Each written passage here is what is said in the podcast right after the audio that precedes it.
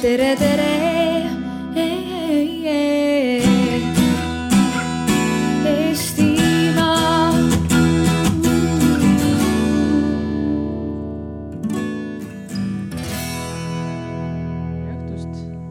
Kell on saanud kuus.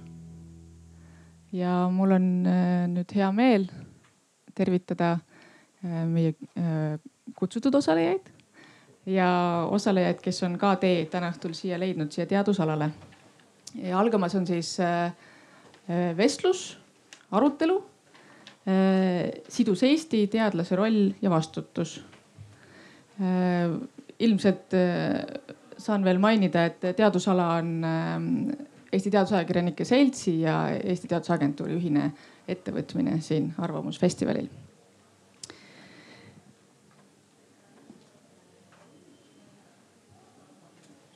Saan kõigepealt alustuseks tutvustada meie osalejaid, kes täna on võtnud selle tee, et siia tulla.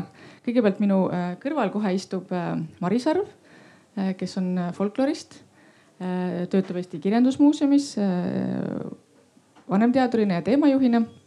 ja Maria on ka selle arutelu üks idee algatajatest edasi on Andres Koppel, Eesti Teadusagentuuri juht, juhatuse esimees ja pikka aega siis olnud, seisnud hea haridus, kõrghariduse korraldamise eest ka ministeeriumis ja teadusagentuuris. professor Krista Kodres, Eesti Kunstiakadeemia kunstiajaloo professor mitmete teadusteemade juht ja, ja järelkasvu eest hoolitseja. ja äh, professor Tarmo Soomere, Teaduste Akadeemia president. mul on väga hea meel selle üle. ja loomulikult siis mina ise pean ka ennast tutvustama.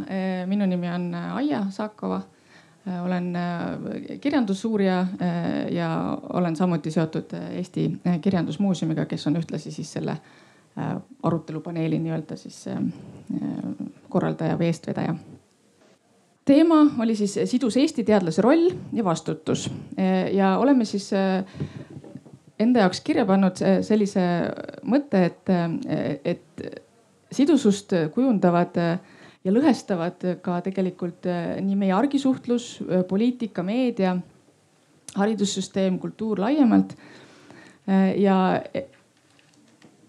et teadlase ülesanne, iseäranis humanitaarteadlase ülesanne võiks siis olla äh, kultuuriühiskonda, äh, keskkonda uurida nii, äh, et aidata neid lõhesid siis kuidagi sillatada või ületada. ja, ja tahamegi rääkida teadlase rollist. ehk siis me oleme võtnud niimoodi eesmärgiks sellist kolm teemapunkti või põhilist märksõna, mille ümber me tahame selle arutelu keskenduda selle üle, milline on siis humanitaarteadlase vastutus äh, ühiskonna sidususe loomisel, nende lõhede äh, vastuolude ületamisel. Äh, samuti, kuidas motiveerida siis teadlasi, eeskätt humanitaarteadlasi, seda vastutust rohkem teadvustama ja seda ka võtma ja kolmandaks oleme siis mõelnud, et oleks eriti hea, kui me saaksime jõuda mingite konkreetsete mõteteni, kuidas me saaksime või kuidas saaks teadusrahastus seda toetada omalt poolt, et humanitaarteadlane siis seda Eesti-suunalist tegevust ka parema meelega teeks ja sellesse rohkem panustaks.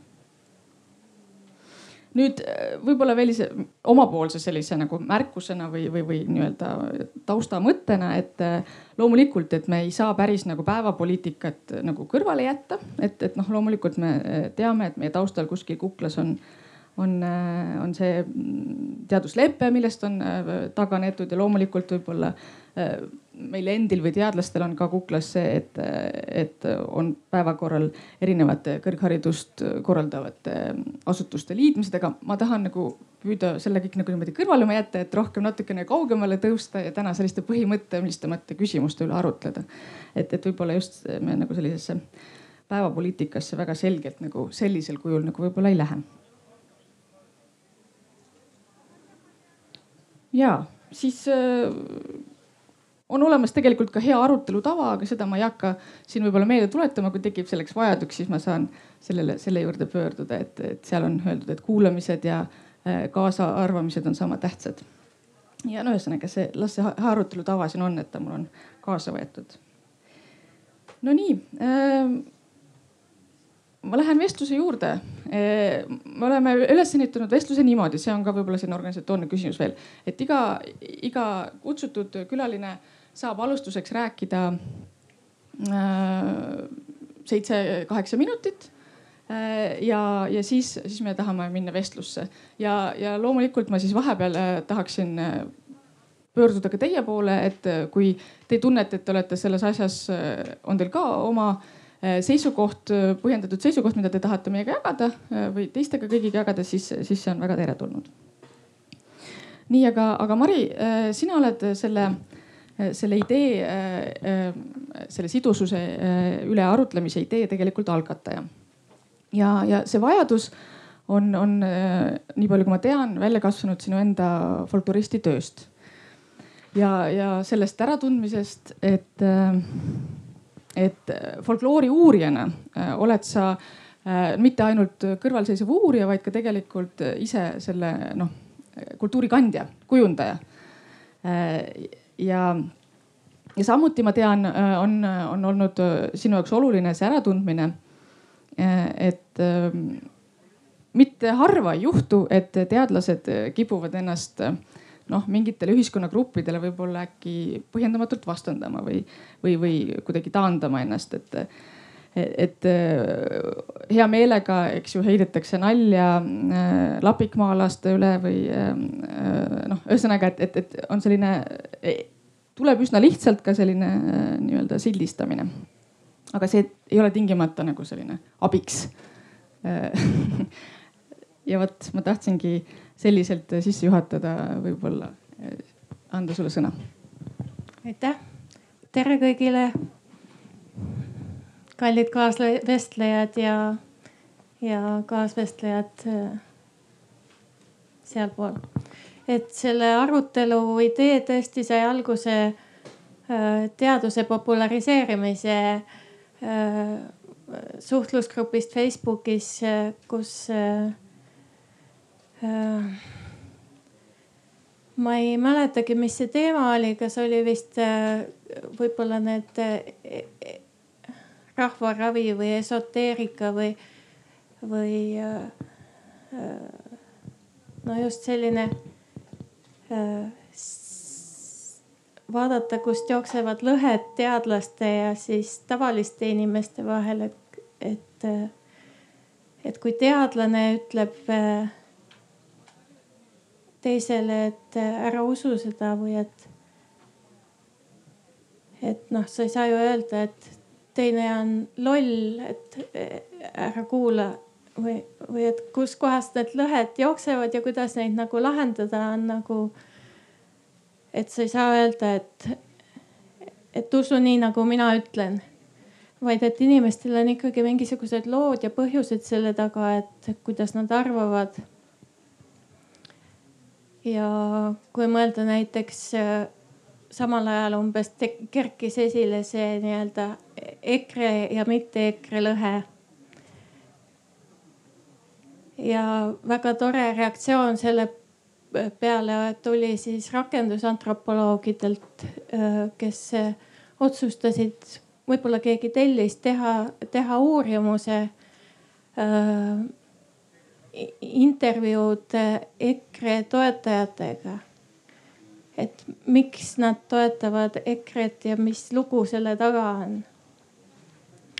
ja ma arvangi, et sedasi vastastikku erinevate huvirühmade lugusid ära kuulates öö, saabki neid lõhesid ületada.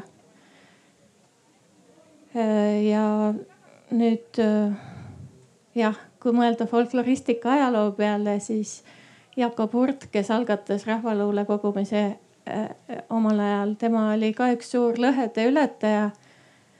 et kui varem ei olnud äh, eesti keelt kõnelejatel avalikus ruumis oma, oma sellist häält, siis nüüd ta tõi oma selle rahvaluule kogumise aktsiooniga nagu ületad lõhet kirjakultuuri ja suulise kultuuri maarahva ja linnarahva, sakslaste, eestlaste vahel. et äh, selline nagu ühiskonna tasandamine või silumine või sidususe loomine, nagu siin meie arutelu pealkirjas mm, võiks olla see ka humanitaar- ja sotsiaalteadlaste äh, ülesanne. Ja teine küsimus tõesti nagu Aija ka ütles, mis mul endal on olnud hinge peal äh, just oma tööd tehes ja planeerides, on see, et äh, noh, selline moraalne dilemma, et kui ma olen, mida ma võin ka nagu teaduse ajaloost näha, et, et kultuuriuurijad on paratamatult ise sekkunud oma tegevusega sellesse, kuidas kultuur kujuneb. Et see mingis mõttes ongi ju nende ülesanne äh,. nagu Peeter Torrap on öelnud, et äh, humanitaar- ja sotsiaalteadused on tagasisideteadused. et äh, nad peaksid andma inimestele meie ümber infot selle kohta, kes me oleme, milleks me siin oleme ja, ja nagu meie endi kohta teadmisi. ja kui ma nüüd teadlasena annan ja noh, ka ajaloost vaadates paratamatult ma pean tegema mingisuguseid valikuid, midagi esile tõstma, midagi tähelepanuta jätma, et et millistest siis väärtustest või põhimõtetest lähtudes ma seda peaks tegema et see on nagu, et, et kas teadlasel sobib üldse sekkuda nendesse protsessidesse, mida ta ise uurib. Või peaks ta olema selline eemaltvaataja või neutraalseks jääda püüdev vaataja või, või kas ta peaks äh, oma teadustööga siis kuidagigi toetama Eesti ühiskonda. et kui reaalteaduste puhul on või selline rakenduslik aspekt, noh, et kas midagi, ma leiutan midagi, et kas see teeb midagi efektiivsemaks või tõhusamaks, et kuidas siis humanitaar- ja sotsiaalteadlane peaks panustama Eesti ühiskonda, et mis on tema funktsioon. ja, ja et kui ta nüüd ise sellesse kultuuriprotsessi sekkub, mida ta uurib, et siis tuleb nagu selline kummaline nagu iseenda uurimine lõpuks välja. jah, aga et, et, et, et kuidas nagu, mida, mida ootab siis nagu avalikkus, eks ole, kultuuriteadlaselt, kultuuriuurijalt, kuidas, kuidas, millised ootused on avalikkusel ja millised ootused on rahastajal sama, et need võib-olla on natuke erinevad. jah jah, võib-olla jätame praegu selle siin, me tuleme tagasi selle, selle küsimuse juurde, et äh, mis see ootus on. Ähm, ja läheme siis edasi. Äh, äh, nagu ma lubasin, et iga kõneleja saab alguses sõna, et ma annaksin sõna Tarmo Soomere ja, ja ütleksin võib-olla sissejuhatuseks seda, et, et, et ma olen märganud, et te olete akadeemia presidendina võtnud eesmärgiks regulaarselt meedias kõnelda teaduse vajalikkusest, et see, seda, see, see torkab silma ja see on hästi-hästi sümpaatne ja sellest, et kuidas teadus ja ühiskond peavad omavahel olema äh, sellises aktiivses suhtluses. ja samuti ma noppisin üles sellise mõtte, et, et peakski tekkima selline nii-öelda normaalsus, kus iga äh, Äh, teadlane äh, või, või vähemalt arvestatav hulk teadlastest suudab suhelda ühiskonnaga, on selline sõnastus. ja, ja et teaduses ellu jääda, ongi tegelikult vaja ka äh, rääkida sellest, et kuidas selle teaduse äh, tegemise kaudu, mida tehakse, kuidas maailm selle kaudu muutub ikkagi natuke paremaks paigaks ka. Äh, ja ma tahtsin kuidagi selle küsimuse teile adresseerida selliselt, et, ähm, et on humanitaarteadlastele ja sotsiaalteadustele ette heidetud, et ei suudeta hästi seda ähm, teaduse nagu sellist mõjukust või sotsiaalset mõjukust äh, äh, mõtestada või, või, või hinnata. Äh, ja, ja, ja mitte, et seda mõjukust võib-olla piisavalt ei oleks, et, et ma arvan, et teda on, aga just see, et, et kuidas, mis on need kriteeriumid ja kuidas teda äh, mõõta, aga et võib-olla teie äh, oskate oma pilgu anda sellele mõjukuse küsimusele ja kas ja millest on vajaka? Äh, aitäh, et mina ähm, erihariduse saanud matemaatikuna olen muidugi eriti sobilik kommenteerima seda Eh, kuidas humanitaarteadlased, sotsiaalteadlased peaksid oma elu elama. aga see on ju päris tavaline asi, et eh, eriti, eriti kaasaegses ühiskonnas. et kui aastat kolmkümmend tagasi võeti tõsiselt tippteadlast, aastat kakskümmend, kakskümmend tagasi võeti tõsiselt algajat teadlast, kümme aastat tagasi oli doktorant täna kõva sõna ja täna on siis eriti kõva sõna see, kes lihtsalt on internetist midagi kokku lugenud selles ei ole sarkasmi, selles on uue eh, normaalsuse ja uue reaalsuse peegeldus, millesse me oleme jõudnud ja mille lihtne sõnum on, et igaüks loeb. ja kedagi ei jäeta maha. et igaühe arvamus loeb. et möödas on eh, see aeg, kui Äh, teadlased said olla mingis mõttes priviligeeritud seltskond. et kui oli ikkagi nii-öelda põletatud kuldliilja õlale või löödud kvaliteeditempel otsmikule, et siis iga sõna, mis suust kukkus, oli kuldne. see aeg on möödas, kui akadeemik oli jumala asemik siin maa peal. Õnneks möödas. Äh, möödas on ka see aeg, äh, kui Äh, toimis suhteliselt kindel kett teaduse juurest ühiskonda. ju muidu kõvasti utreerides äh, kirjeldatakse nõnda, et ühes toas istus teadlane, naabertoas istus leiutaja, kes korjas üles teadlase võtted. üle koridori oli insener, kes pani selle toote vormi ja naabertänaval oli tehas, kes see toodet tootis, müüs ja sellest kasumist finantseeriti teadlast täna on olukord teistsugune. teadlased paiskavad oma tulemused puusalt tulistades suurde tohutusse teadmiste ookeani ja unustavad, mis nad on teinud. sellest ookeanist õngitsevad teised, olgu need need entreprenöörid, ettevõtjad, insenerid, leiutajad, teadmisi, mis on lahutatud ajas ja ruumis teadlastest. püüavad teha vingeid tooteid, püüavad neid realiseerida müüa ja teadust finantseeritakse tulumaksust või maksudest. et teadus ja selle rakendus, selle reaalne kasu on lahutatud nii ajas kui ka ruumis.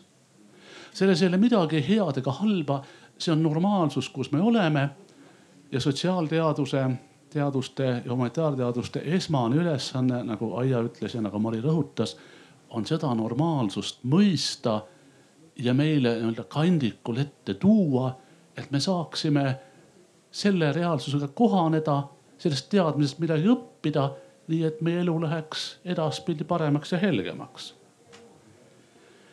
me näeme ka muid asju, selle ahela katkemise kaudu on mingis mõttes kadunud eh, klassikaline vastutus oma töö tulemuste eest see on muutunud vastutuseks indikaatorite täitmise eest. ka selles ei ole midagi imelikku, kui me näeme, et see kett on kadunud või laskunud siis teadmiste ookeani põhja, ma ei näe seda enam. Äh, me näeme veel muidki muutusi.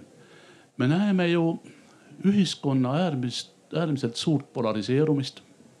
olgu see riikide tasemel rikkad riigid saavad järjest rikkamaks, vaesed riigid jäävad suhtarvudes järjest vaesemaks üksikutes riikides ülirikkad saavad järjest rikkamateks, keskklass on äh, nõrgenemas ja vaesed jäävad suhteliselt vaesemateks.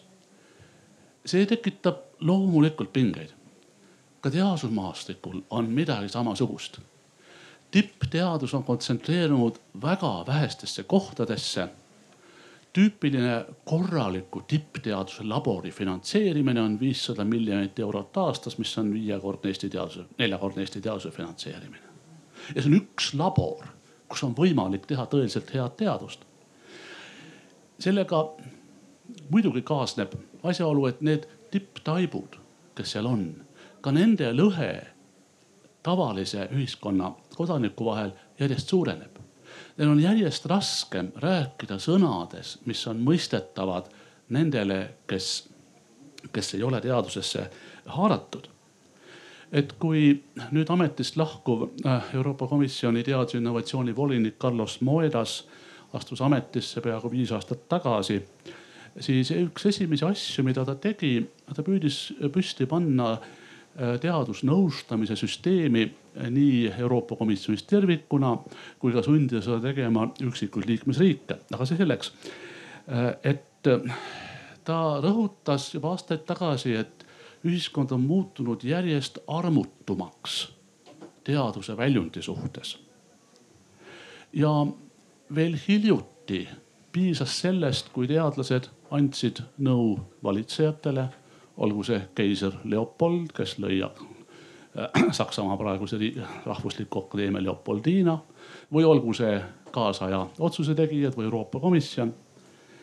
Äh, see on äärmiselt hea, et on suudetud kanaliseerida äh, akadeemilises maastikus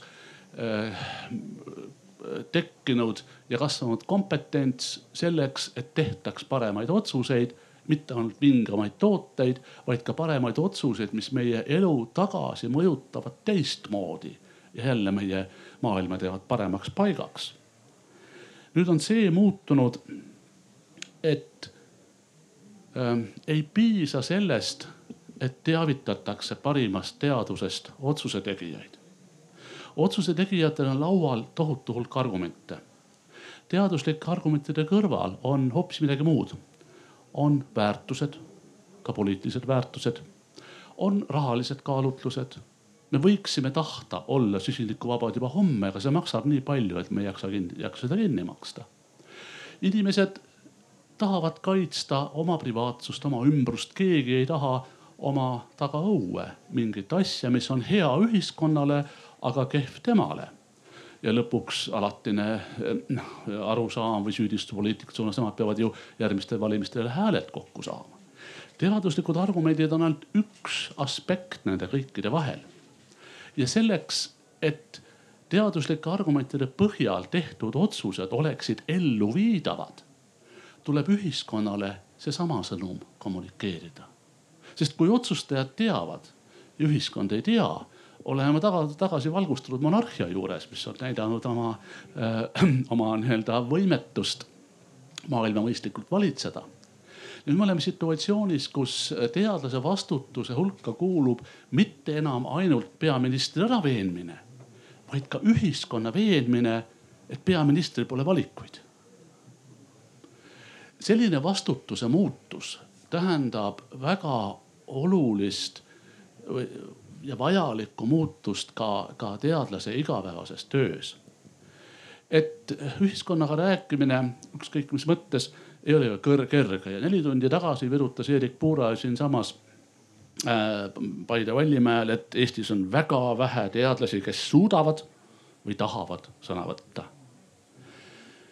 Äh, see võib tõsi olla. aga mu isiklik kogemus on näidanud, et selle lõhe ületamine teadlaste nende sõnavõtmise ja ühiskonna ja kuulamise vahel ei ole väga keerukas.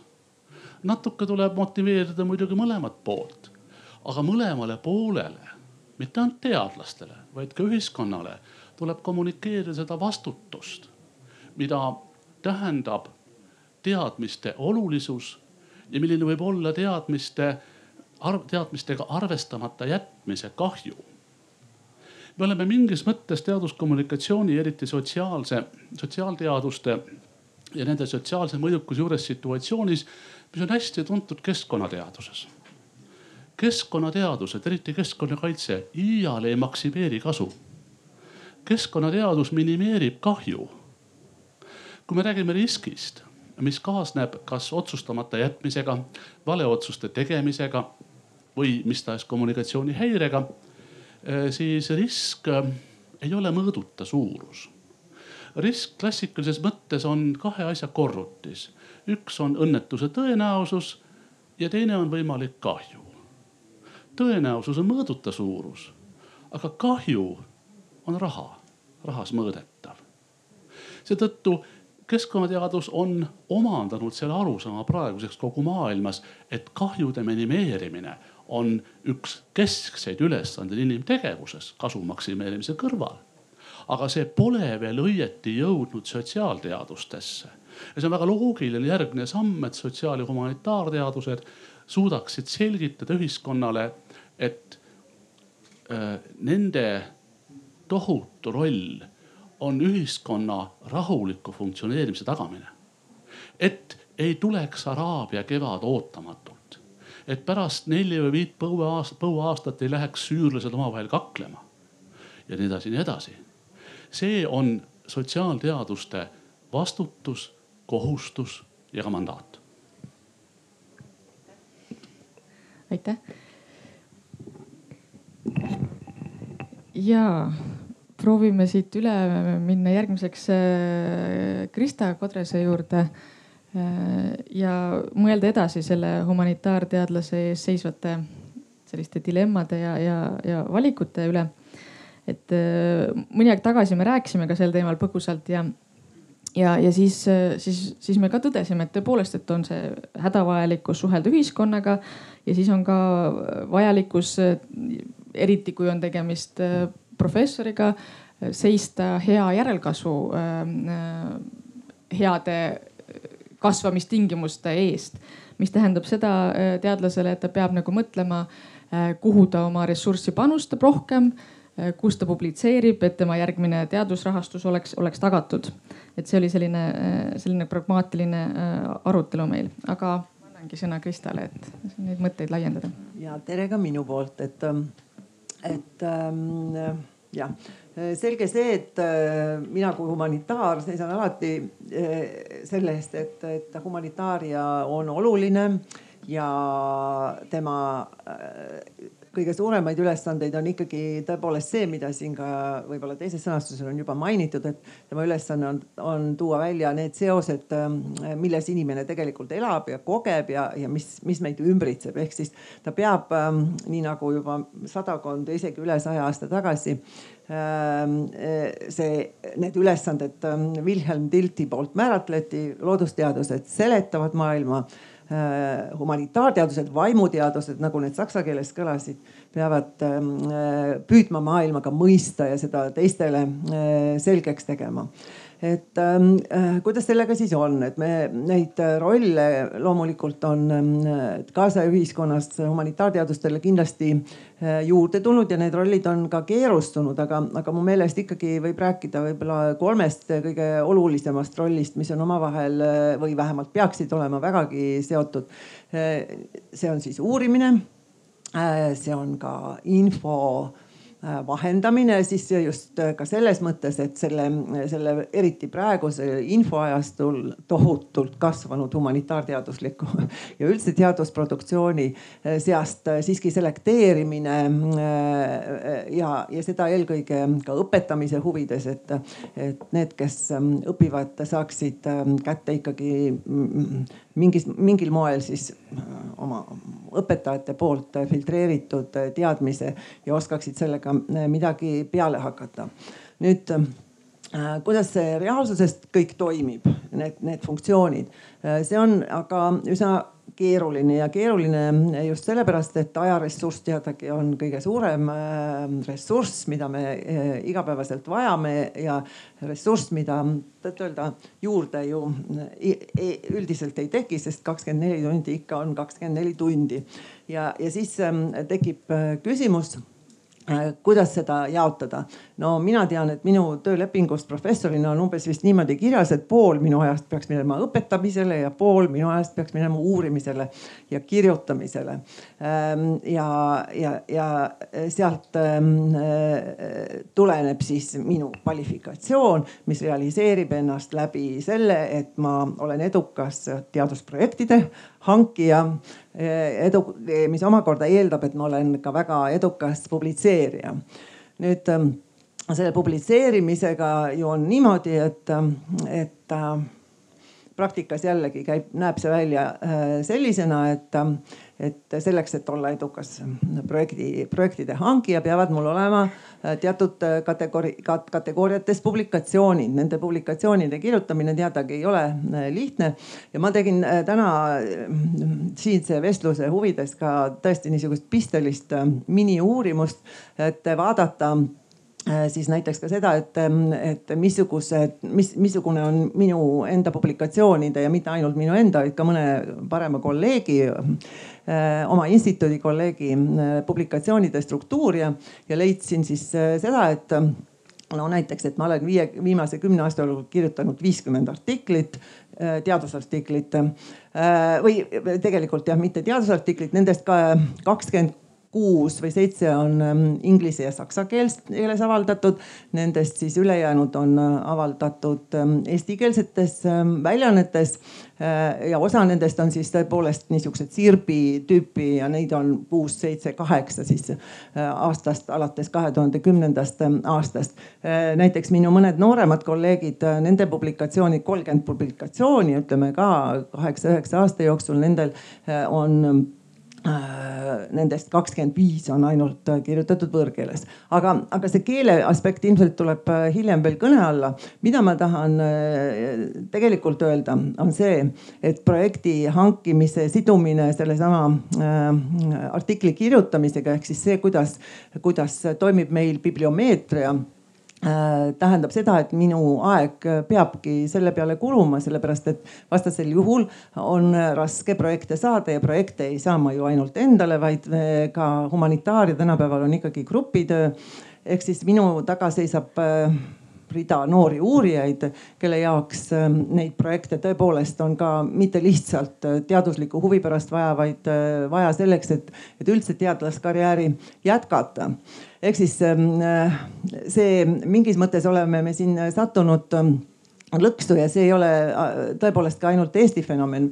Ähm, Griselda Pollock, üks maailma tuntumaid kaasajal kunstiteadlasi, äh, on seda nimetanud ja, ja sellest ka rääkinud kui, kui akadeemilisest kapitalismist kus siis, kus siis inimesele antakse või uurijatele ja akadeemikutele antakse ette sellised raamid, et ta, et ta, et ta, ta töötab ainult väga kindlate konkurentsitingimuste raames Äh, ja mina, ma kohe lõpetan, minu jutu iva tegelikult seisneb selles, et kuidas ma saan Eesti ühiskonna sidu, sidustuda, kui, kui minu, kui minu raamid seda nagu väga vähe võimaldavad, ehk siis see ajaressurss mul tegelikult läheb mingisuguste muude asjade peale.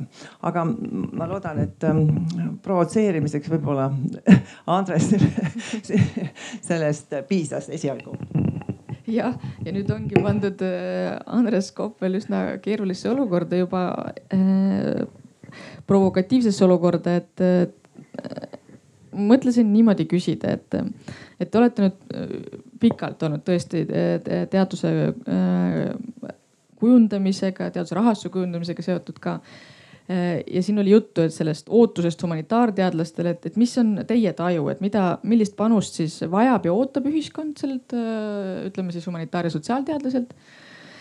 Ähm, äh, Tarmo Soomere rääkis rahulikust funktsioneerimise tagamisest.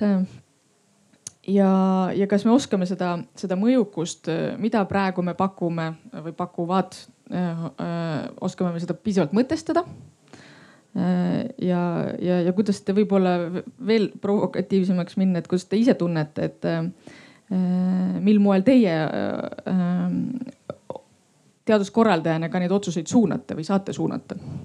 aitäh, siin oli vähemasti, ma arvan, kuus küsimust. et ma hakkan tasapisi otsast katsun eh, nii-öelda neid, neid küsimusi arutada. et päris algus, asjade algusse tulla, et kas, kui siin oli, jäi tunne, et on tohutu lõhe ühiskonna ja teadlaste vahel, siis ma arvan, et see faktidele päris ei vasta.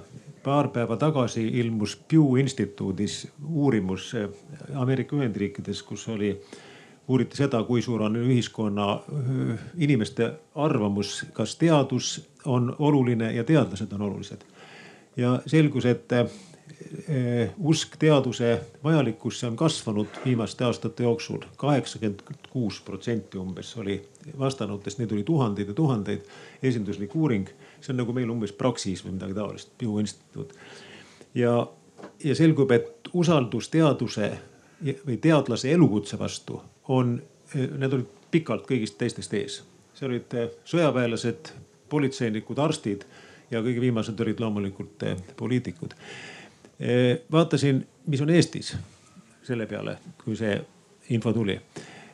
Eestis viimastel aastatel pole neid uuringuid tehtud, need on aastast kaks tuhat kuusteist. meie arvud on natukese väiksemad, meil on kaheksakümmend protsenti inimesi arvab, et teadus on oluline ja umbes sama palju inimesi arvas ka, et teadlased elukutsena on usaldusväärsed. nii et üldiselt ma usun, et sihukest tendentsi, et teadlastesse suhtutakse halvasti, ei ole. küll aga on see armastus teaduse vastu sihukene nagu indulgents või, või, või passiivne. usutakse, et nad teevad tarka asja.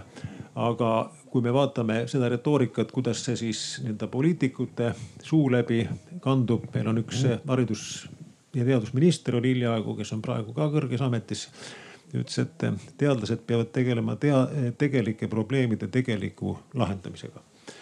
et noh, see, seal seda usku ei olnud, et teadlased õiget asja teevad. Nüüd kui vaadata, et kas, mis on humanitaarteaduste nagu roll või iseärasus, siis kõikide teadlaste roll on olla, olla, anda ühiskonnale, luua neid teadmisi, mis nende valdkonnas on veel avastamata ja sellest ühiskonnale rääkida erinevate teadusvaldkondade eripärad on väga-väga suured. varem, varasematel aegadel ja mõnedes maades siiamaani ei räägita kõiki ühtmoodi teadustest, vaid räägitakse science, arts and humanities ja medicine. meie oma traditsiooni järgi, kui Tartu Suurkoolis kõik, mis seal õpiti, olidki teadused.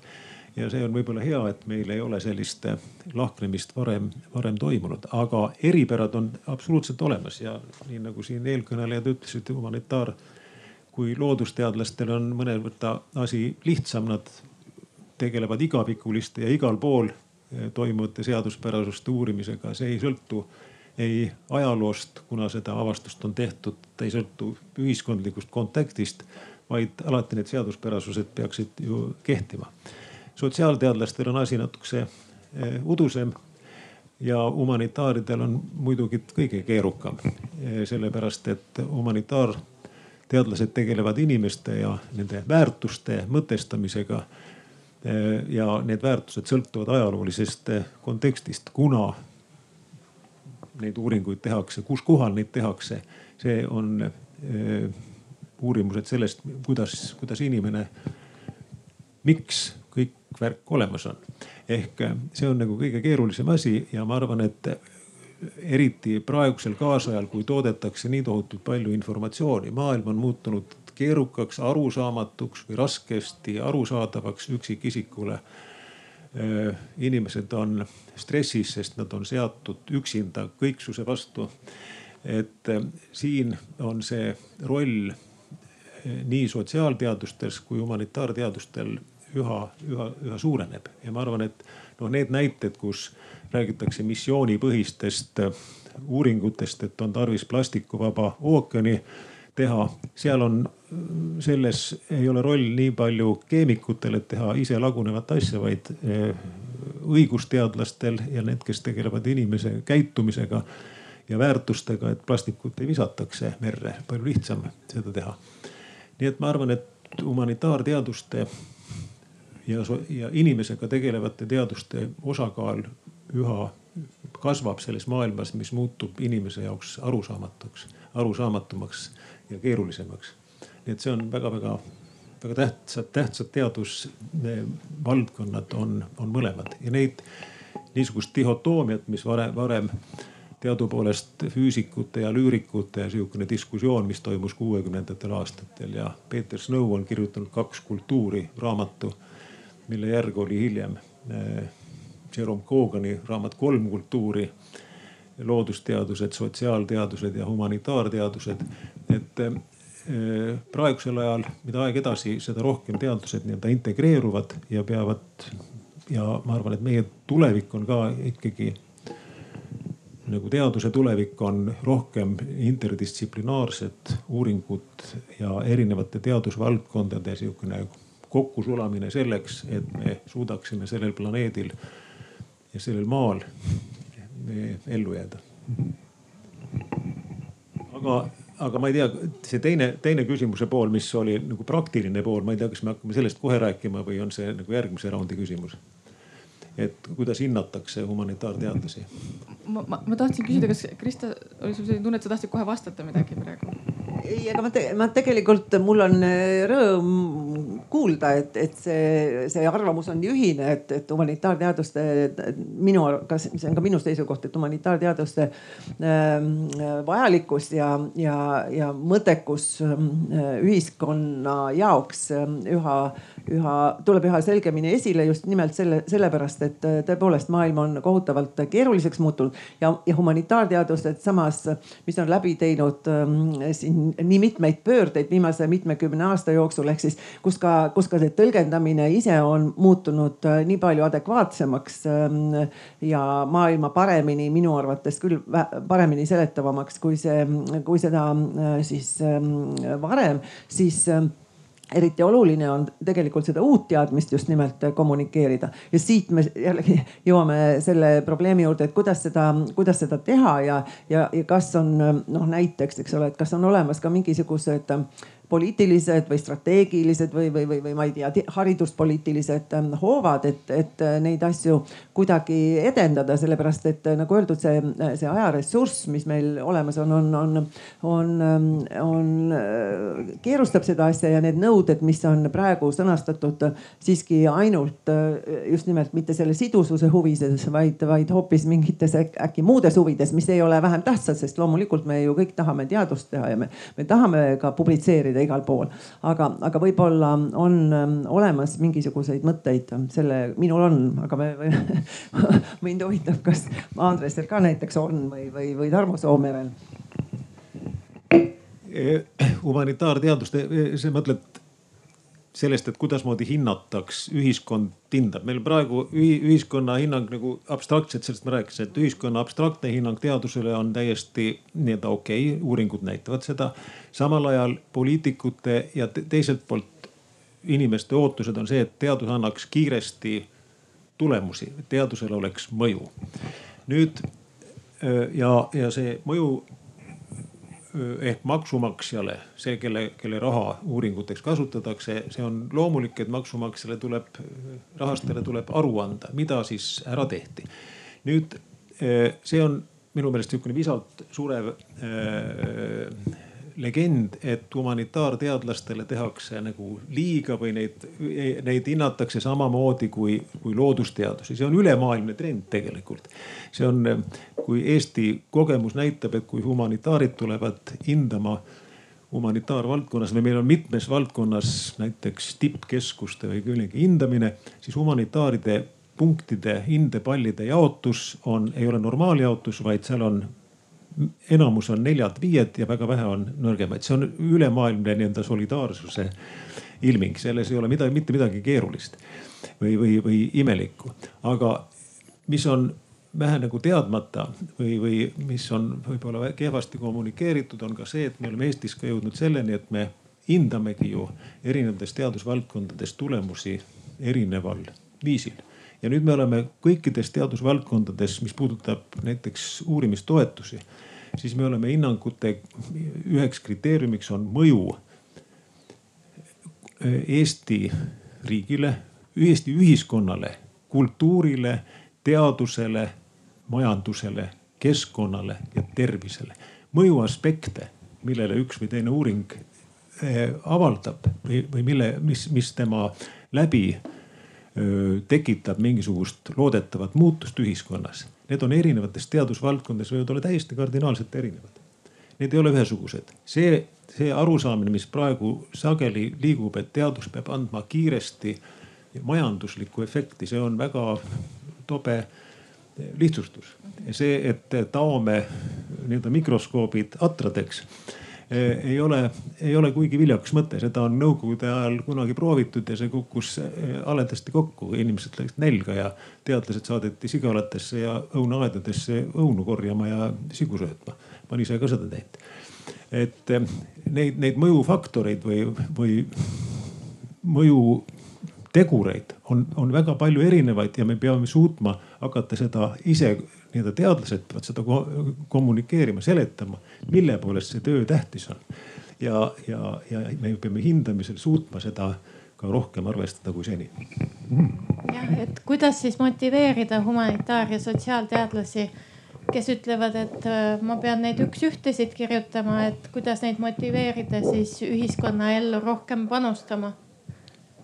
no enda tegevusest tuleb teada anda ka ja, ja kirjutama peab ka, ega siis ainult äh, nii-öelda hea jutt sõprade seltskonnas võib-olla ei ole, ei ole piisavalt. et siis peab ikkagi ka eesti keeles kirjutama. ja ka eesti keeles. Eesti, Eesti ja, ja, ja kui me räägime siin erinevatest keeltest, siis on täiesti selgelt, et eesti keel on niisugune väärtus, mis peaks meil kõigil armas olema. ja, ja tänane arutelu eesti keele või teaduskeele üle, minu meelest üks asi seal jäi puudu. Seal jäi puudu see, et äh, räägiti, mida peaks tegema riik, mida peaks tegema ülikool, aga inimesed ei rääkinud seda, mida nad peaksid tegema ise ja eesti keel ei jää püsima, kui me ise seda ei armasta, kui me teadlased ei ole nõus selle nimel rohkem tööd tegema, kui seda peavad tegema venelased või tegema prantslased. me peame rohkem tööd tegema kahes, kolmes, neljas keeles suutma kommunikeerida seda. see, see on täiesti vast, vastupidine, ei tule mitte kuidagi, kuidagi välja see, et, et me räägime, et me kirjutame ajalehes ja sellest piisab, ei piisa.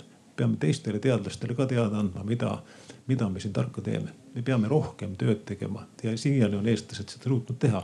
tulevikus peame ka tegema väga lohutav, tuleb rohkem tööd teha. ma tahtsin korra tagasi tulla ikkagi nende asjade juurde, mida äh, Tarmo Soomere siin tõstatas ka, et, et siin tõesti see mõte nüüd, see vastutuse mõte. Äh, et teatud mõttes see va klassikaline vastutus on nagu katki läinud. Äh, et teadlane ei ole nagu nii selgelt enam seotud oma selle noh teadusega, mida ta teeb või nende tulemustega, et äh, nende tulemuste eest tuleb nagu hea seista ja siin nagu tekib nagu vastutus justkui seda kommunikeerida, mida siin on hästi rõhutatud, eks. ja mitte ainult enam poliitika kujundajatele, vaid ühiskonnale. aga, aga see võib ka meid äh, viia nagu eksi teatud mõttes, eks ju, et, et me nagu läheme võistlema, et kes nüüd kõvemini räägib, valjemini räägib, osavamalt räägib, et see on õigem justkui, eks. Aga kuidas, kuidas nüüd ikkagi Äh, kutsuda seda teadlast noh, üksi olles iseendaga nagu mõtlema, et mis on see minu tegelik vastutus või, või kelle ees on see vastutus ja, ja mille eest, eks. et ja, ja teatud mõttes mina olen iseenda jaoks nagu esitanud seda küsimust ka niimoodi, et et hiljuti noh, me kogu Eestit rabas äh, ikkagi see kurb uudis, et Marju Lõppeaia lahkus ja siis noh, ma küsisin ikkagi või tabasin ennast sellelt mõttelt, et, et mida tema oli eriline inimene ka vaieldamatult, aga mida me saaksime ühiskonnana, ülikoolidena, ma ei tea, teha, et selliseid inimesi rohkem tuleks, kerkiks esile või, või et, et kuidas saab soodustada selliste mõtlejate esile kerkimist ja meil on neid vaja, neid mõtestajaid. Ma tahtsin küll ühele teisele küsimusele vastata, aga nagu me teame poliitikute käest, et see küsimus, millele sa vastad, ei pea olema see, mis esitati ähm, Natukene... sa riskid, sa, sa, sa riskid selle protsendi kaotusega ähm, ma just tahtsin, tahtsin öelda, et see, mis Andres Koppel ütles, on õige, et inimesed usaldavad teadlast, teadust väga. aga kui küsida järgmine küsimus, kui, kui, kui palju nad aru saavad teadusest, siis see protsent on alla viieteistkümne ja äh, inimestel on komme toimida äh, oma ka selgelt esitatud arvamuste vastaselt, et vaktsineerimisvastaseid on Prantsusmaal umbes kolmkümmend pluss protsenti, aga kaheksakümmend kuus protsenti on kindlalt veendunud, teadus on õige. et kokku me saame sada kakskümmend protsenti, mis on äärmiselt hea tulemus et see on inimese toimimise ja inimkonna toimimise üks iseärasusi ebamäärasus ja määramatus. ja see on samal ajal see, mille pärast on inimese kui liigi pikaajaline eksistents üldse võimalik. aga ma tahtsin nii-öelda minna siis natuke juurde selle, natuke edasi teadlase ja teadlaskonna vastutuse mõttes laiemale, et, et see, kuidas me saame uusi teadlasi no, no teadlase aja, teadlase nii-öelda ajagraafik on lihtne, et vabad päevad nagu praegune aeg liidetakse puhkusele ja puhkus antakse postuumselt, täiesti selge nagu Marju Lepajõe puhul. et äh, me oleme situatsioonis, mida kirjeldas David Gerrold inimkonna jaoks, aga teadlaskonna jaoks see kehtib, et inimkond ei lahenda ju kunagi ühtegi oma probleemidest, ta lihtsalt elab neist kauem. ja see nii-öelda probleem, mis meie ees on, ei ole, et kuidas täpselt me otsustame selle üle, kes on hea või halb teadlane. tegelikult on see, on see äärmiselt meelitav ja äärmiselt eksitav to, äh, äh, toimida järjestatud hulkade tasemel olgu need siis üks, kaks, kolm või ratsionaalarvud või isegi irratsionaalarvud. see on mädasoo, maailm on värviline. kantor tõestas juba sada aastat tagasi, et ruudus on sama palju punkte kui sirglõigul. Üks kriteerium, mille järgi kõike saab järjestada, on utoopia. ja Eh, ma saan aru, et, et rakendatakse selle noh lähendeid mingil hetkel, sest noh, midagi paremat ei ole, ei oska välja pakkuda, maailma värviliseks niisama teha ei saa. see on meie häda, aga ma usun, et me elame ka selle üle, nagu David Gerald ütles. aga nüüd, kui sellest rääkida, et peaks rohkem tööd tegema, ei pea klassikud on hästi ilusti öelnud, et kes te arvate, ütles, ütles seda, et õigete otsuste langetamisel ei ole määrav informatsiooni hulk, vaid selle kvaliteet. kes võiks seda öelda? ta oli lühikest aega Eesti Teaduste Akadeemia liige, humanitaarteadlane Lennart Meri. Läheme selle juurde tagasi, et me oleme harjunud mõõtma kvantiteeti, on väga raske mõõta kvaliteeti kvaliteedi mõõtmine nõuab teistsugust suhtumist. aga õnneks on see teadlaskonda sisse ehitatud, me ise teame, kes on asjalik ja kes lihtsalt räägib. aga seda teadmist ei õnnestu alati kommunikeerida rahaliste otsuste mõttes. aga ma tahaksin edasi minna veel teiste klassikutega, et meil on siin üks väike Eesti suur osa probleemidest, millest me täna räägime, tulenevad meie väiksusest. väike riik toimib ja peabki toimima teistmoodi kui suur riik. väikeses riigis ei ole sageli võimalik terav kriitika, sest see, seda kritiseerib, keda sa kritiseerid, võib olla homme su ülemus ei ole midagi parata, akadeemik Tiina Randva-Liim on, on väga põhjalikult neid asju uurinud. väike riik toimib teisiti kui suur riik ja me elame ka selle üle täitsa kindla peale. aga kus algab probleem riigi jaoks, teadlaskonna jaoks tervikuna, ühiskonna jaoks tervikuna. see sõnastas Francis Bacon juba, väga vana filosoof. ta ütleb, et miski ei ole riigile ohtlikum olukorrast, kus kavalad saavad esineda tarkadena.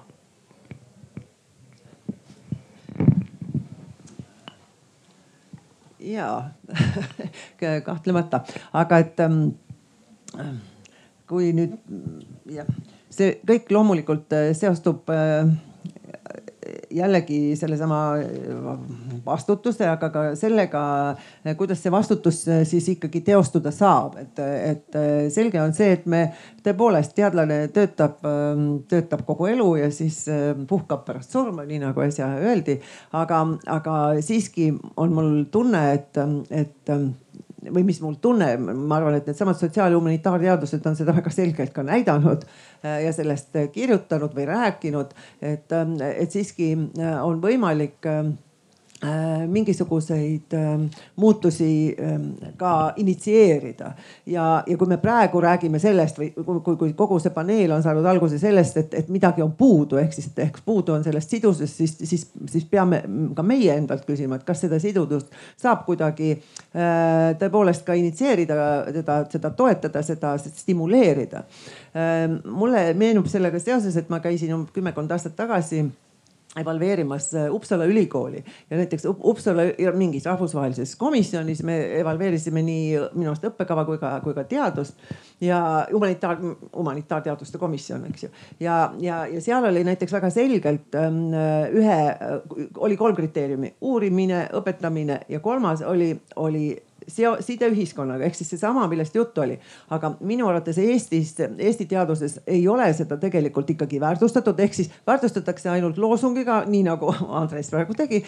teeme, oleme ja nii edasi ei tee ega ei ole, sellepärast tõepoolest seni, kuni, kuni seda ei väärtustata, seni seda ei tehta ja, ja, ja tehakse seda, mida väärtustatakse. ja see on see, millest mina rääkisin. ehk siis, kui me tahame, et me oleksime Eesti ühiskonnaga paremini sidustatud, siis me peame tegema teatud mm, samm, peame ette võtma teatud samme ja, ja mu, mu meelest on see ikkagi võimalik. sul on konkreetsed ettepanekud ju? ja, ja minu üks konkreetne ettepanek ongi see, et kasvõi nendesamade teadusprojektide mm, taotlemisel peaks, peaks tekkima üks kategooria, mis, mis, mis väga selgelt seda äh, väärtustab, ehk siis näitab, et see on üks kriteerium, mille järgi ka projekte rahastatakse. Ähm, siis loomulikult on ka mingisuguseid muid äh, jah, võib-olla niisuguseid pisemaid võimalusi. Äh, no näiteks, ähm, näiteks see, et, et ähm, et teadusinstitutsioonid või riiklikud institutsioonid rahastavad näiteks sedasama teadusajakirjandust. me siin teame, et äh, alles kaitsti esimene teadusajakirjanik ajakirjaniku, ajakirjaniku tööd uuriv, eks ole, doktoritöö. et ma arvan, et see niisugune sideliini loomine on väga oluline ja, ja, ja võib-olla ka selle, kuivõrd meie ajakirjandus ja kultuuriajakirjandus, noh kultuuriajakirjandus muidugi vähem, eks ole, on riigi omandis pigem Kultuurilehe AS on ikkagi riigi, riigi omand. aga, aga, aga ütleme, kogu muu päevameedia on ju eraomandis, siis äh, näiteks kas, kas, kasvõi mingisuguste jällegi toetuste või, või stimu, stimulaatorite meetmete kaudu ikkagi ärgitada äh, seal ka rohkem sõna võtma nendel teemadel. Ja, ja mitte niimoodi, et, et mina noh, ma, ma, mina tõepoolest ka aeg-ajalt ikka kirjutan, mul on tunne et ma, ma, ma, ma ei saa öelda, et ma ei kirjuta, aga mul on tõepoolest üha vähem aega ja see käibki mulle väga närvidele, ma tahaks teinekord võtta sõna, aga mul lihtsalt ei ole aega. Siin on päris hulka teemasid, üks asi on see, et nii-öelda ühiskondlikel teemadel sõnavõtmine, seda, seda saab väärtustada, selle väärtustamine nii-öelda administratiivsel moel või, või äh, lugeda, mis, kui palju keegi kuskil esines ja, ja selle eest nii-öelda punkte anda, see on võimalik, aga see vist ei ole väga viljakas. Äh, ma mäletan neid aegu, kui ma olin ise tudeng.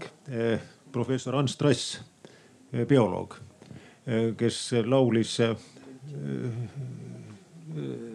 laulis naiskooriga solistina ja esines ajalehes Edasi, tol ajal oli Postimehe eelarve oli Edasi, kirjutas keelekasutusest manitsevaid sõnumeid, võttis osa Eesti, Eesti kultuurielust.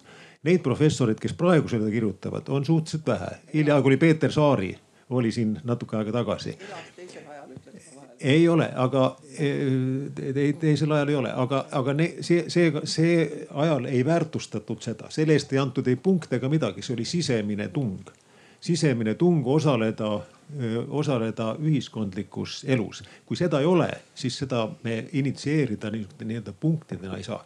teine asi on see, et ajalisest ajast ja selle nii-öelda mõistlikust kasutamisest, ma usun, et see on teema kus me saame tõepoolest nii teaduskorraldajatena, administraatoritena, me saame siin teha küll seda, et me püüame vähendada ajakulu, topeltajakulusid igasugustele aruandlustele, me vähendasime eh, kuus korda tsükli jooksul Eesti Teadusagentuuri grantides aruandlust, kuus korda ühe korraga tegime, seda ei ole millegipärast nagu märgatud, keegi pole veel aitäh öelnud ja, ja, ja me seda peame katsuma jät, jätka, jätkata. nüüd see nende ühiskondliku mõju arvestamine.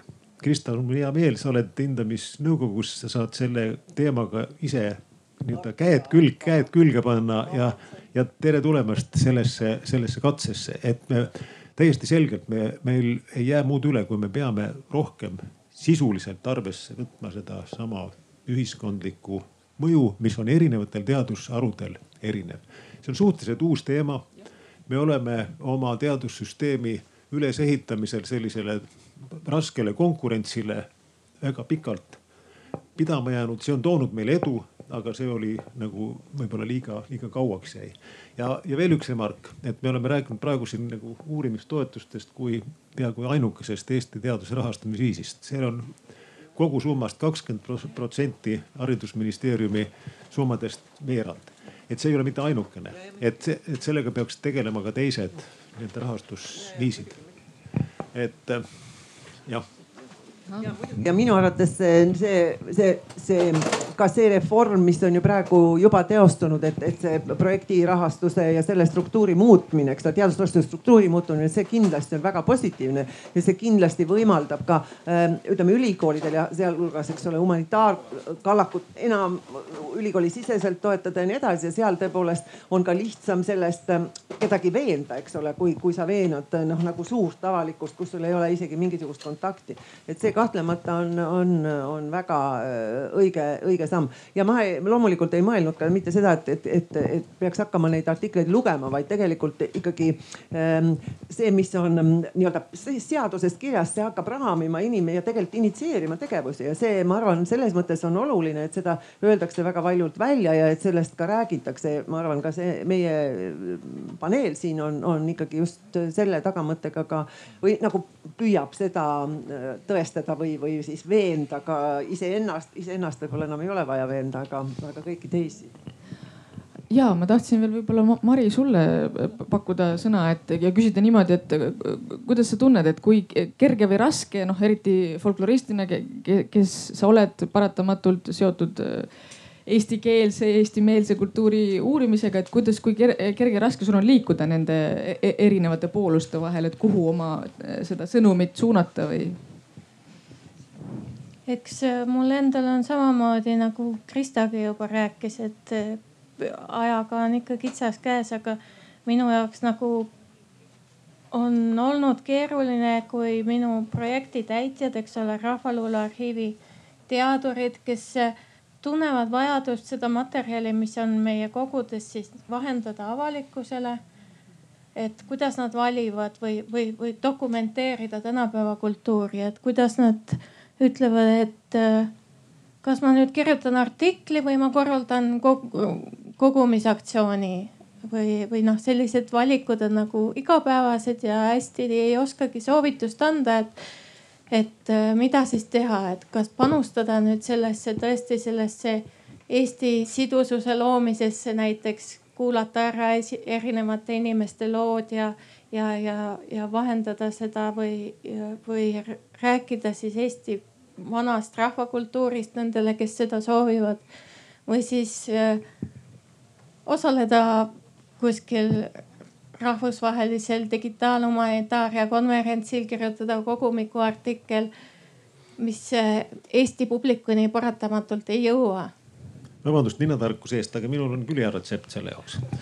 Et need ülesanded, mida te lugesite siin ette ja mis on nagu kirjandus, Eesti Kirjandusmuuseumi ja, ja ka Eesti Keele Instituudi põhikirjades üles loetud. osa nendest tegevustest on siuksed, kus ei pea grantide pärast võitlema. Need ongi nii-öelda infrastruktuursed ülesanded, mille, mille, mis ülesanded antakse instituudile ja antakse selle eest raha rahvaarvule, et koguda, teatavaks teha, süstematiseerida Need, need ülesanded on või, või sõnaraamatuid koostada, selleks ei pea projekti kirjutama. see peaks olema sihuke töö, mis on, mis on kokku lepitud rahastajaga ja seda tööd tehakse aasta, kaks, kümme, ma ei tea, kui palju, antakse vahepeal aru aga, aga seda, selle eest ei pea grantide pärast võitlema, selle pealt ei pea tingimata kirjutama üks-üks publikatsioone. see on nagu kultuurilooline tegevus, mida rahastataksegi teistmoodi. grantid on, me, me ei tasu nagu kõik ühte patta panna ja süüdistada grante selle pärast. ja siiamaani on Eesti Kirjandusmuuseumi rahastus olnud ju projektipõhine et nüüd, kui baasrahastus on suurenenud, et siis on nagu mõeldav mingi osa sellest kulutada tõesti. jumala õige, nii peakski tegema. jah jah, asjad liiguvad et, ikkagi paremas et, suunas juba. et aitäh veel kord siis äh, ma kordan seda Krista äh, äh, märkust, et tõesti, see on oluline samm, et baasrahastus on suurenenud ja projektipõhisus vähenenud. Ähm, et ähm, te võib-olla mäletate seda kena filmi Võrgutav saatan, kus oli seitse soovi ja, ja millega pääses lõpuks see õnnetu soovija saatana kütkest. ta soovis midagi, millest talle endale mingit kasu ei tõusnud. see oli see, mis purustas nõiaringi. et kuni me räägime sellest, et üks või teine teadusvaldkond on alafinantseeritud, me teame seda väga hästi, teavad seda väga hästi ka riigi valitsejad. kuni me räägime, vaidleme selle üle, kas on õige rääkida ühiskonnaga koguda andmeid või kirjutada äh, teatava kategooria artikleid, on see meie sisemine probleem. ühiskonda ei huvita absoluutselt, palju meie paneme aega, jõudu, tundeid, emotsioone ja iseennast oma töödesse. ühiskonna, ühiskonna liikmeid huvitab, mida nemad sellest kasu saavad. see on see sõnum, mida me anname kõigile kolme minuti loenguvõistluse osalejatele. Teie verised küüned laboris ei huvita mitte kedagi. inimest huvitab see, kas tema saab tervemaks, kas tema ema või isa saab ravida või kas tema lapse haigusest saab, saab, saab korda teha. ühiskond huvitab, kuidas on võimalik rahumeelselt elada eri rassidest pärinevatel inimestel naaberkorterites. kuidas on võimalik kultuuriruumide piire ületada? Kuidas on võimalik sisuliselt tõlkida ühest keelest teise, nii et kontekst kaduma ei lähe? teadlaste piinad, kannatused ei huvita mitte kedagi, kuni me nendest räägime, jääb rahastus väikeseks siis tuleb olla iseendast suurem ja tõusta nagu argipäevast ülesse kuidagi. meil tuleb, noh, see on see klassikaline küsimus, et, et noh, et mitte, mitte riik saab teha minu jaoks John Kennedy, eks ole, või mida mina saan teha. tohib üks, üks, üks, üks repliik sellele jällegi, et, et eh, eilses ajakirjas Nature oli üks kaane lugu väga väikene uudis selle kohta, et eh, Kreekas, mis on teadupoolest Eestiga, Eestiga võrreldes finantsiliselt palju sandimas olukorras. Nende riigivõlg on palju-palju suurem. seal läks, eh, vahetati haridus- ja teadusministrit. eelmine minister oli ametis neli aastat ja tema teeneks oli see, et Kreeka avaliku sektori kulutused teadus-arendustegevusele kasvasid ühe koma kolmeteist protsendini Kreekas.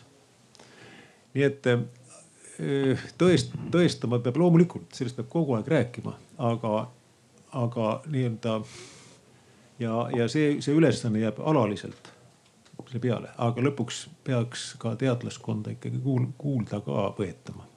Kreekas need võeti mina ei tea, minul on küll väga kahju, kui, kui see meie jutuajamine mõjus niisuguse halamisena, mina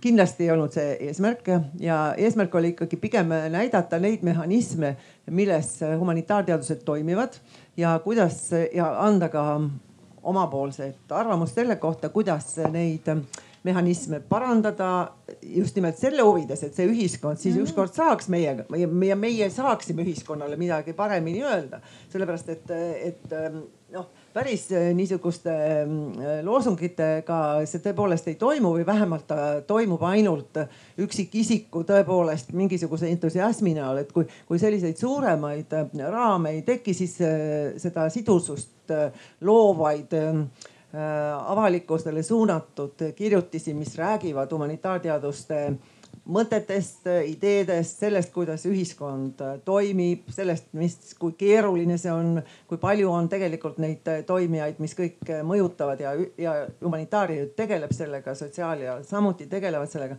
sellest on jutt, aga mitte tõepoolest ähm, veel kord, et neid minu arvates neid asju ei saa lahutada, sellepärast et see tegemist on ju protsessidega ja need, need protsessid me tahame neid protsesse ju parandada, meie, see on meie huvides loomulikult äh, ja, ja see on see, mille, pärast me püüame ka ühiskonnale kommunikeerida seda, kuidas me üldse töötame, mis, mis on, on need tingimused.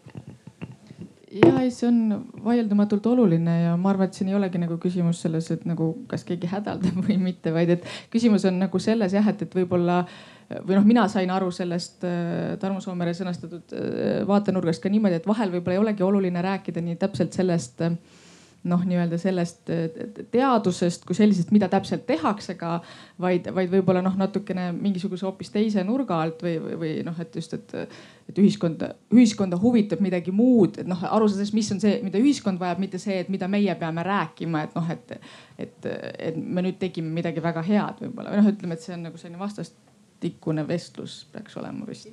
just jah, et teeks, teeks äh, kõrvad lahti et, et muutunud on tohutu palju, ma, ma ei taha rääkida sellest, kui, kui suured on revolutsioonilised kõik muutused ja midagi ei ole katki läinud, lihtsalt asjad muutuvad meie ümber, et, et kui sada aastat tagasi oli lauda taga peldik tohutu tsivilisatsiooni saavutus, mida Eestimaale manageeriti ju riigi jõuga, siis täna ilma vesitualetita ei ole võimalik ju midagi ette võtta, eks ole. et noh, et, et ajad on lihtsalt muutuvad ja meie muutume koos nendega ja muutub ka meie arusaam ja muutuvad meie soovid, mida me ajast, ajast tahame.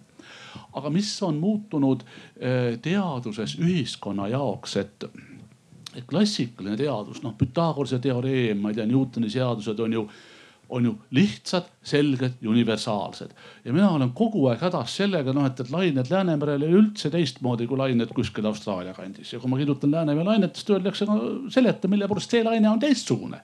väga raske on kirjutada aga eesti keel on teistsugune kui, kui ükskõik milline mitmesajast Austraalia aborigeenide keelest ja, ja, ja sellest on võimalik äh, päris põnevalt kirjutada.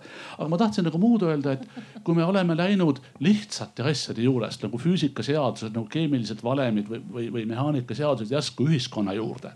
kõik te ju teate seda, seda kuulsat Murphy seadust, et et äh, ka kõige rangemalt kontrollitud temperatuuri, õhuniiskuse, äh, mille iganes korral reageerib organism täpselt nii nagu tema ise tahab.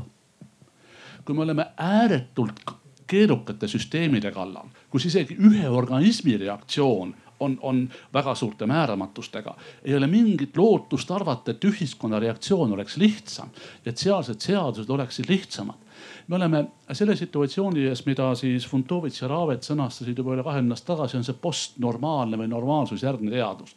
see ei ole mitte post fact ja, ja nii edasi, vaid, vaid teaduse olemus on muutunud, teadus ei saa enam anda lihtsaid vahendeid keerukate süsteemide käitumisele.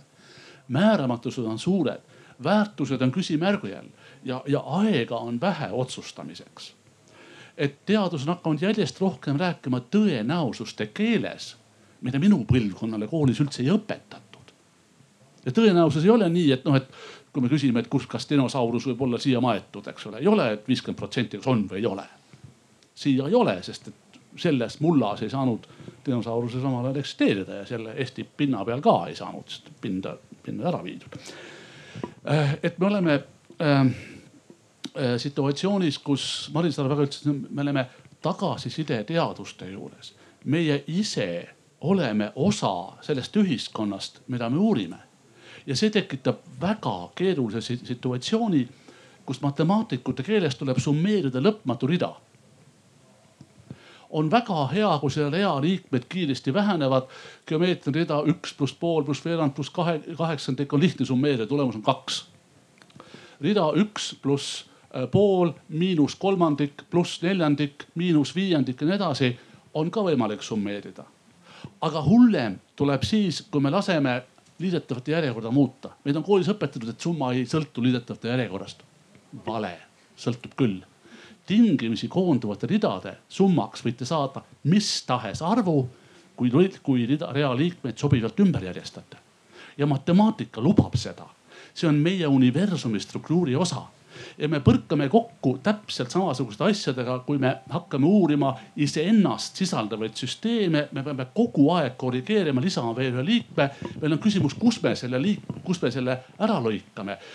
me ei suuda summeerida lõpmatult üldjuhul ja siis me oleme fundamentaalsete küsimuste ees, kuidas tõlgendada meie enda uuringuid, meie enda suhtumist uuritavasse objektisse, kes oleme ka meie ise seda kommunikeerida ühiskonnale, seda keerukust, seda on püüdnud teha komplekssüsteemide spetsialistid. komplekssüsteemid on asjad, kus on, tekivad nähtused meist sõltumatult uuringute ajal. me peame ikka sellega hakkama saama selles mõttes on, on see äärmiselt suur ja põnev väljakutse seda paradigma muutumist kirjeldada ühiskonnale ja saavutada ühiskonna aktsept, et elu ongi selline, see on meie universumi struktuuri osa. ja mida siis veel teha, kui need muutused toimuvad meist sõltuvalt nagu kultuuris, eks ole, kultuuriuuringutes. ja see teebki asja ju põnevaks ma tean, et me tahame kõik ka vastata siin, aga tegelikult me lubasime, et me saame ka, ka publikus saavad inimesed sõna võtta, et. kõik lubadused ei pea täitma. kõik lubadused ei pea täitma mõni võib jääda ka reklaamiks. jah, no ma siiski praegust äh, ütlen, et ma tean, et siin on üks sõnavõtt ja seal on juba ka teine sõnavõtt, et äh, nüüd mul on antud kohustus anda selline imeline pall, mille sisse tuleb rääkida tervist, mina olen Jaak ja ma tunnetan äh, siin praegu vestluse kohal nagu kahte sellist äh, teemat, mille osas ma tahaks midagi öelda, mul on tekkinud mõte. ma ise olen ka nagu humanitaaralaga seotud mõnevõrra nii et ma mõistan nagu paremini humanitaarvaldkonda ja, ja vaatan siis rohkem distantsilt siis reaalvaldkonda. esimene mõte on see, et me siin praegu kõik ikkagi äh, mütologiseerime teadlase pilti, et teadlane peab justkui olema kuskil seotud ülikoolis, ta peab olema professor kuskil laboripalgal.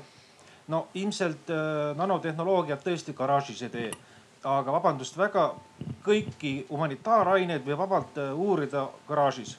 et äh, lähed arhiivi, kirjutad välja, isegi sa ei pea arhiivi minema, sul on olemas hästi palju digitaliseeritud allikaid äh, sa lihtsalt armastad kunsti, uurid kunsti, kirjutad kunstiajalugu oma garaažis.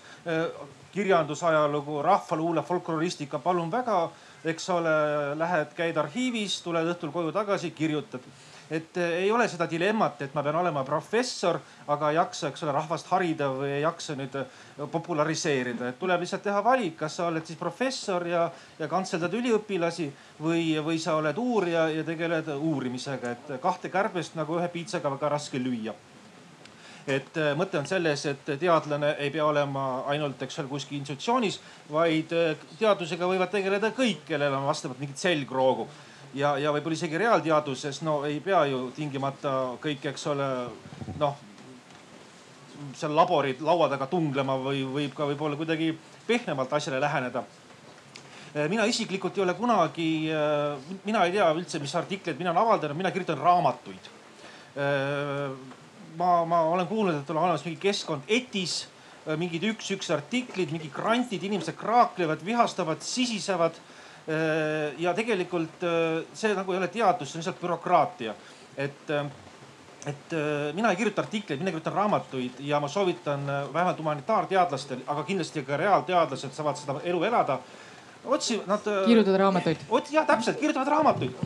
Nad otsivad, otsivad teema, mis neile huvi pakub natuke mõtlevad, kas see pakuks huvi ka laiemale üldsusele, otsivad kirjastaja, saavad kokkuleppe, saavad kirjastajalt viis tonni eurodes ja kirjutavad neile raamatu. ja, ja, ja vaat väga halb, kui ei saanud midagi, et tegelikult äh, vot see on võimalus teadlastele, et äh, kui te ei saa granti, siis otsige mõni kirjastus ja tehke, tehke teisel moel. et võimalusi on teine mõte, mida ma tahaksin esile tõsta, on teaduse populariseerimine, sest minu meelest see on väga oluline ja, ja, ja, ja noh mulle nagu tundus, et jutt siin kuidagi hajub, hajub, hajub ja ei jõua üldse selleni. Eh, teaduse populariseerimine tegelikult ei ole see, kui sa kirjutad midagi ajalehtes sirp. et eh, isegi humanitaarteadlasena mina vajan juba tasapisi tõlki juba sellele, mida kirjutatakse ajalehes sirp et eh, mida öeldavad marrusõnad nagu mingisugune kriteerium või paradigma või, või rakursi vahetus või. et ja et tegelikult see on nagu sihukene tüütu müra, see on nagu mingisugune muruniiduki undamine et tegelikult eh, sellest ei ole nagu kasu. ja, ja mida mina ütlen, mida mina pakun? teadlastel on vaja tõlki Äh, min-, minu, minul, mina tahaks esile tõsta sellist teadusajakirja nagu Tiit Kändler, äh, kelle artiklid äh, on tõesti mind väga palju mõjutanud. ma olen tänu nende artiklitele läinud väga sügavale. ma olen saanud tõesti aru, mis asi on, eks ole, süsinik ja mis asi on nano ja mis asi on, mis asi on ülijuht, eks ole, et, et tegelikult saab viieaastasele lapsele seletada ära, kuidas raadio töötab. lihtsalt tuleb õiged sõnad leida ja selleks on vaja tõlki ja las see teadlane teeb oma tööd, ei ole vaja tal pusterdada need sõnadega, las ta uurib neid molekule neil on vaja lihtsalt tõlkijate kihti. ja teine mõte on tegelikult äh, populariseerimine ei ole tõesti ainult, eks ole, suurtelt suurtele, vaid ülioluline, kui ütleme, ülioluline nähtus näiteks on praegu saade Rakett kuuskümmend üheksa. see on võrratu, kui palju see toob lihtsalt äh, nagu potentsiaalseid huvilisi teadusesse. eks ole, ise ka vaatan, hämmastav lihtsalt äh, lausa nagu inimvaimu ülistus või ütleme, ütleme Venemaal on multisar-, multikasarja nagu Fiksikud pisikestele mudilastele tehakse selgeks, kuidas külmkapp töötab. et tegelikult äh, on äh, võimalused on tohutult, tohutult, tohutult, tohutult enamad kui lihtsalt mingisugune professori töö kõrvalt artikkel mm -hmm. ajaleht ja sirp. okei okay,, aitäh. vot nii okay,, aitäh. aitäh, aga anname selle palli edasi. proovin visata teile, ma loodan, et see. päris pehme pall oli yeah., kandiline olen Peep Nemvalts, Tallinna Ülikooli Teaduskeele Keskuse juhataja. jõuan kohe ka sidususe juurde, aga esmalt üks kommentaar Andrese märkusele teaduskeele arutelu kohta. tõenäoliselt sel ajal just langenud paduvihm ja kõuemürin segas sind kuulmast, mida me rääkisime. Me rääkisime peaaegu kõik ka sellest, mida inimene ise saab teha. Jakob Kübarsepp, akadeemik, Tehnikaülikooli professor, kõneles sellest, kuidas tema ja mõned tema kolleegid on kogu aeg tegelenud tehnikateaduste eestikeelse terminivara arendamisega mina rääkisin sellest, kuidas ma olen kümme aastat kõikide erialade doktorantidele õpetanud eesti teaduskeelt ja terminoloogiat. Ja seejuures just rõhutades seda, millele vihjas ka Jaak siin äsja.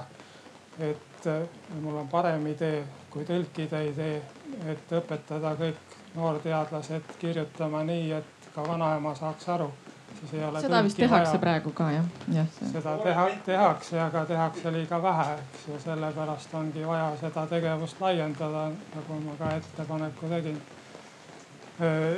ja sealt edasi mõeldes, et Andres heitis ette, et rääkisime sellest, mida riik peaks tegema ja mida ülikool peaks tegema.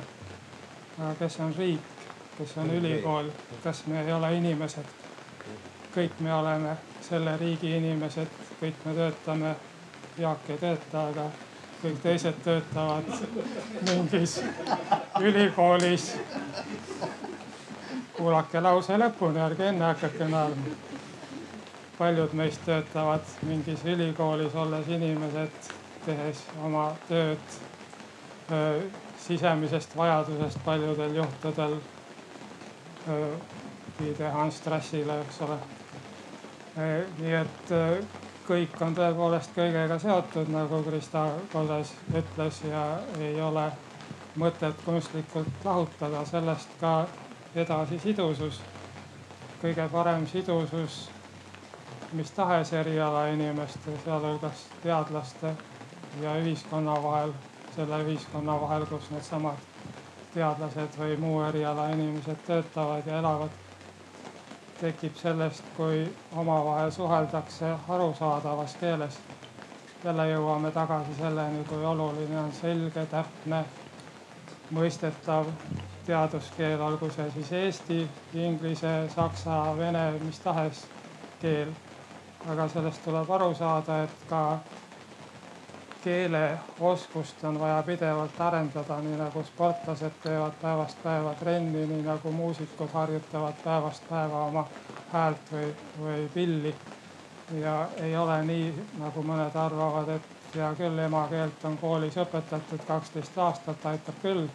minge ülikooli, siis te juba oskate, oskate küll mingil määral.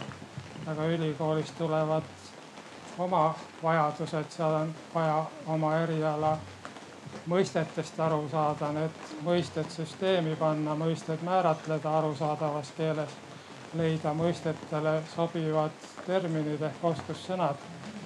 tõlkida ei saa ka mitte sõnu, ei tõlgita sõnu, Tarmo Soomere ka vihjas sellele. tõlkida tuleb mõtet, seoseid ja kõigeks selleks on vaja aru saada kasutatava keele võimalustest, keelerikkusest ja on vaja aru saada sellest, et teadus saab olla mitmekeelne. on vaja aru saada keelterikkusest. ja, ja kõik see on lahutamatult seotud mis tahes teadusalaga.